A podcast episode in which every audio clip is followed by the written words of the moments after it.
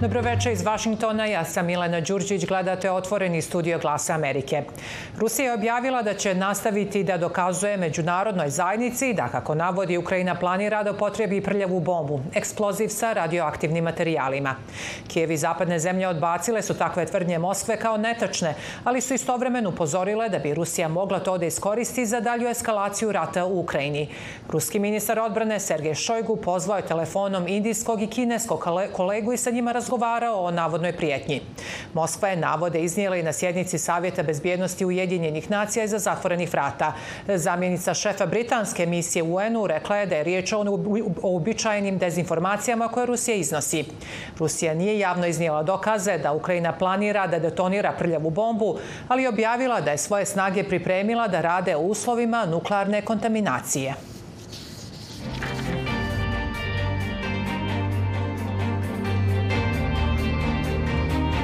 Novi britanski premijer Rishi Sunak započeo svoj prvi radni dan na mjestu britanskog premijera i predstavio novi kabinet.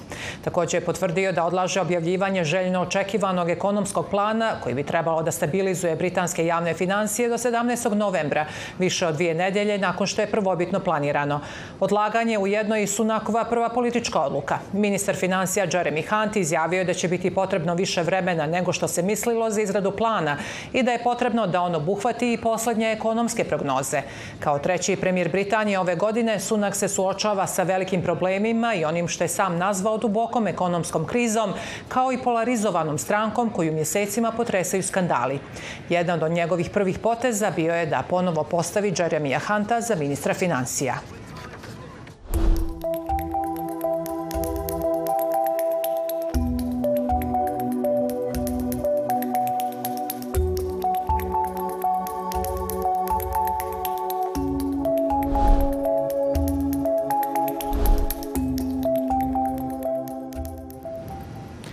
Specijalni zaslanik američke administracije za Zapadni Balkan, Gabriel Escobar, izjavio u intervju za albanski servis Glas Amerike da još nije dobijen odgovor kosovskih vlasti na preporuku Sjedinjenih država, Evropske unije i država Kvinte da se period preregistracije vozila građana srpske nacionalnosti na kosovske tablice produži za 10 mjeseci. Također ukazao da Sjedinjene države u potpunosti podržavaju francusko-njemačku inicijativu za dijalog Kosova i Srbije, rekavši da očekuje trenutak kada će javnost sa njom biti izvanično upoznata. Tokom vaše nedavne posete Prištini zatražili ste od tamošnjih vlasti da za 10 meseci odlože primjenu odluke o uvođenju kosovskih registarskih tablica za vozila čiji su vlasnici Srbi sa severa Kosova. Da li ste do sada dobili zadovoljavajući odgovor od nadležnih? Ne još. Očekujete li da će odgovor biti pozitivan? Nadam se da će pozitivno reagovati na zahtev ne samo Sjedinjenih država, već i ostatka zemalja Kvinte, Evropske unije, kao i specijalnog izvestioca Miroslava Lajča. Obajczyka. Francusko-nemačka inicijativa deluje da predstavlja glavni predlog za odnose Kosova i Srbije. Pomenuli ste nedavno u Prištini da bi obe strane trebalo da ga shvate ozbiljno. Kako je tako ozbiljan predlog okružen tolikom tajnovitošću? Kako uveriti javnost, kada ju nije poznato o čemu se razgovaralo i šta se priprema? Možete li podeliti neke od glavnih tačaka te inicijative? To je inicijativa za koju se zalaže Evropska unija. Mi je podržavamo kao i bilo kakvu aktivnost u dijalogu kojim posreduje Unija. To je važno za regionalnu i evropsku stabilnost u vreme kada se suočavamo s krizama u Ukrajini i drugim delovima Evrope. Dakle, kada je reč o detaljima, mislim da se o njima razgovara u kontekstu dijaloga u kom je posrednik Unija. Mi nismo učesnica u njemu, ali ga podržavamo. Mogao bih da zamislim da bi uskoro, nakon bliskih diskusija sa dve vlade, u vezi sa suštinom toga mogla biti angažovana javnost. Rekli ste da šta god je sada predloženo, to neće biti konačno rešenje, što znači da se neće baviti srpskim priznavanjem Kosova. Međutim, važno je i priznanje pet država članica Evropske unije, koje do sada to nisu učinile. Postoji li neka veza sa time? Absolutely. Apsolutno. Kako? Naš stav je da Kosovo mora postati deo Evropske unije i mora biti integrisano u euroatlantske strukture. Da bi se to dogodilo, očekujemo da pet država priznaju nezavisnost Kosova. Putevi ka priznanju i evropskim integracijama su zacrtani. To je dijalog koji predvodi Evropska unija. Zbog toga sam konstantno ohrabrivo vladu Kosova da to shvati ozbiljno, da se pošteno angažuje i razmatra rešenja koje mogu podrazumevati neki kompromis. Na kraju, priznanje nezavisnosti i integracije su ključne. Šta je sa ulogom američke vlade u svemu tome? Hoće li angažman biti pojačan i kakvu ćete ulogu imati? Rekao bih da već imamo. Izgrađeno je puno partnerstvo sa kolegom predstavnikom Evropske unije. Potpuno smo angažovani i kroz zemlje Kvinte.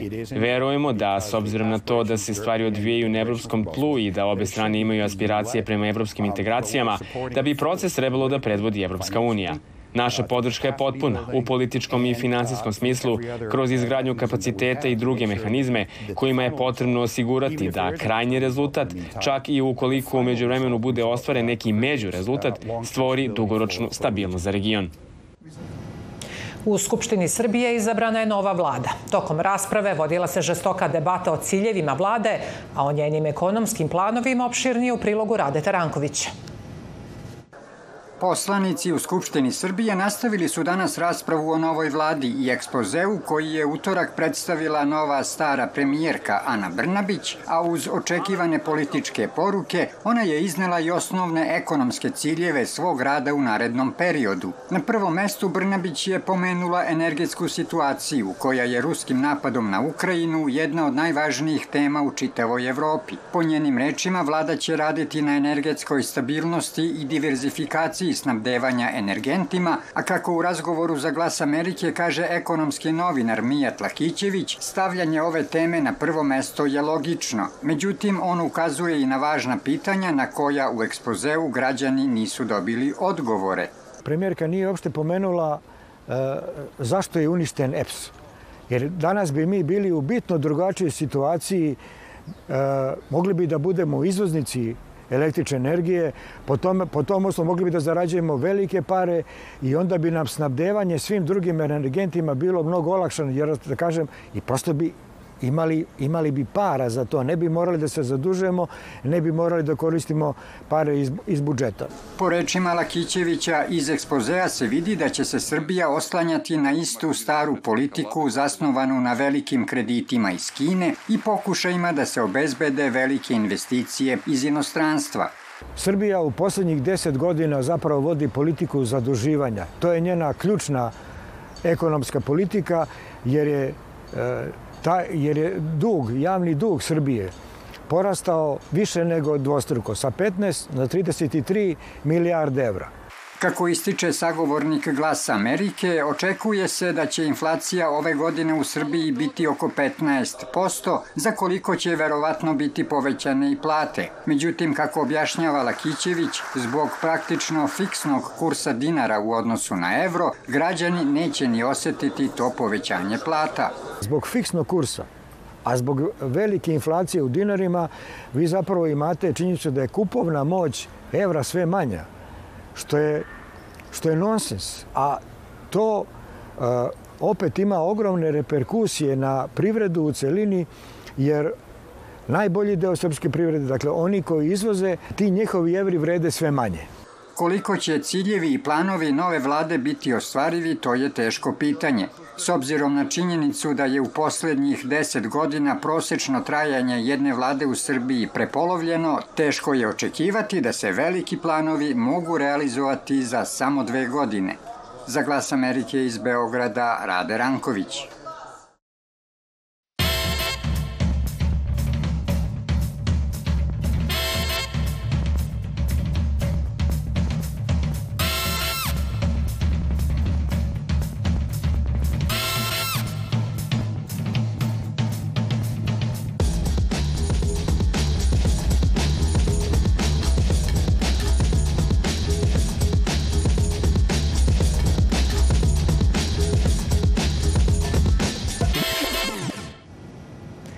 Predsednik Joe Biden primio je najnoviju booster dozu vakcine protiv COVID-19 i pozvao sve Amerikance da učine to isto. And we're here with a simple message. Get Ovde smo sa jednostavnom porukom. Vakcinišite se. Pojačajte svoju vakcinu protiv covid -a. Neverovatno je efikasna, ali istina je da je nije primilo dovoljno ljudi. Moramo to da promenimo da bismo svi imali bezbednu i zdravu sezonu praznika. Zato danas pojačavam svoju vakcinu. Biden je zasukao rukav da bi dobio četvrtu vakcinu protiv covid utorak, dok su zvaničnici Bele kuće pozvali kongres da odobri njihov zahtev za 22 milijarde dolara za finansiranje američkog i globalnog odgovora na COVID. Biden je takođe osudio članove kongresa koji, kako je rekao, žele da krenu dalje od covid ali ne žele da potroše novac da to urade. Među tim sredstvima, traženim u septembru, su i 4 milijarde dolara za globalnu pomoć u vakcinaciji, terapiji i diagnostici. Većina republikanskih zakonodavaca ostaje pri stavu da bi izdvajanje više novca za odgovor SAD-a na COVID trebalo da bude plaćeno smanjenjem troškova za druge svrhe. U umjetničkom centru Anakostije u Vašingtonu otvorena izložba radova devetoro savremenih srpskih umjetnika nazvana Finding a Way, odnosno pronalaženje načina. Izložba je zamišljena kao presje generacija, stilova i tehnika savremene umjetničke scene Srbije. A na otvaranju je bila Helena Đorđević. Savremena srpska umetnost u istorijskoj četvrti Vašingtona Anakosti, koja je ove godine zvanično proglašena za umetnički i kulturni distrikt. Prva grupna izložba srpskih umetnika u glavnom gradu Amerike u više od 10 godina je rezultat privatne inicijative galeristkinje Marije Milošević iz Beograda i Elizabete Escobar, ljubiteljke umetnosti i supruge američkog diplomate Gabriela Escobara uz podršku Ministarstva kulture Srbije. Marija Milošević kaže da naziv izložbe ima višestruko značenje. Prvo, hteli smo da pronađemo način kako da se mi iz male Srbije, o, iz, iz Beograda predstavimo američkoj publici, što nimalo nije lako. Godinu dana smo nas dve radile na ovom projektu. Kako da jedan umetnik iz svog ateljeja pronađe način sa originalnom idejom da se predstavi publici širom sveta, pogotovo publici u Americi, koja je kolevka moderne umetnosti, naročito pop arta, koji mnogi od ovih umetnika obrađuju kao temu. Tokom boravka u Beogradu za vreme diplomatske službe njenog supruga, Elizabeth Escobar je počela da prati umetničku scenu. Imala sam sreću da živim u Beogradu dvije godine. Vratila sam se u Washington prije godinu dana, a srce mi je i dalje u Beogradu. Dok sam bila tamo, moj prvi izlet u svijet umjetnosti je bio muzej u kojem je izlagala Marina Abramović. I posle toga mi je misija bila da obiđem sve galerije i muzeje. Zaljubila sam se u srpsku umjetnost, kulturu i dušu. Upoznala sam Mariju iz galerije Art for All, a kada je došlo vrijeme za moj odlazak, odlučile smo da jednostavno moramo da srpsku umjetnost dovedemo u Sjedinjene države.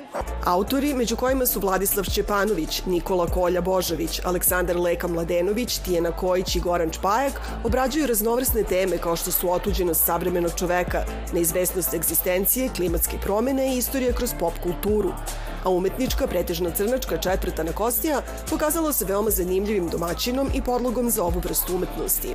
Za mene je ovo jedna vrsta galerije koja e, izuzetno odgovara mom radu pošto je moj rad e, društveno angažovan i bavi se problemom marginalnih grupa, ovaj, ugroženih kategorija i nekakva nakostija je upravo jedan takav kraj u Vašingtonu koji je jedna vrsta geta u kome u ovom smislu ova galerija je jedna vrsta uh, kulturne promocije te vrst, to, tog stanovništva u ovom gradu.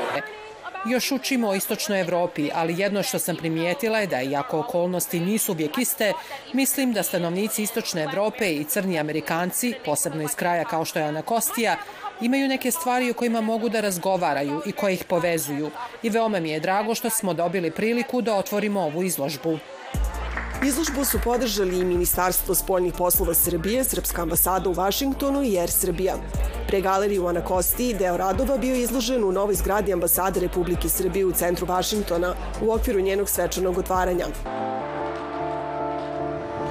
Poštovani gledalci, na kraju emisije žalimo i da vas obavijestimo da će poslednje izdanje Otvorenog studija biti emitovano u petak 28. oktobra. Hvala vam što ste bili s nama svih ovih godina. Naše i priloge naših dopisnika iz Crne Gore, Srbije i sa Kosova i dalje možete da gledate i čitate na našoj web stranici glasamerike.net i na društvenim mrežama, Facebooku, Twitteru, Instagramu i YouTubeu. Prijatno večer želi vam ekipa Glasa Amerike u Vašingtonu.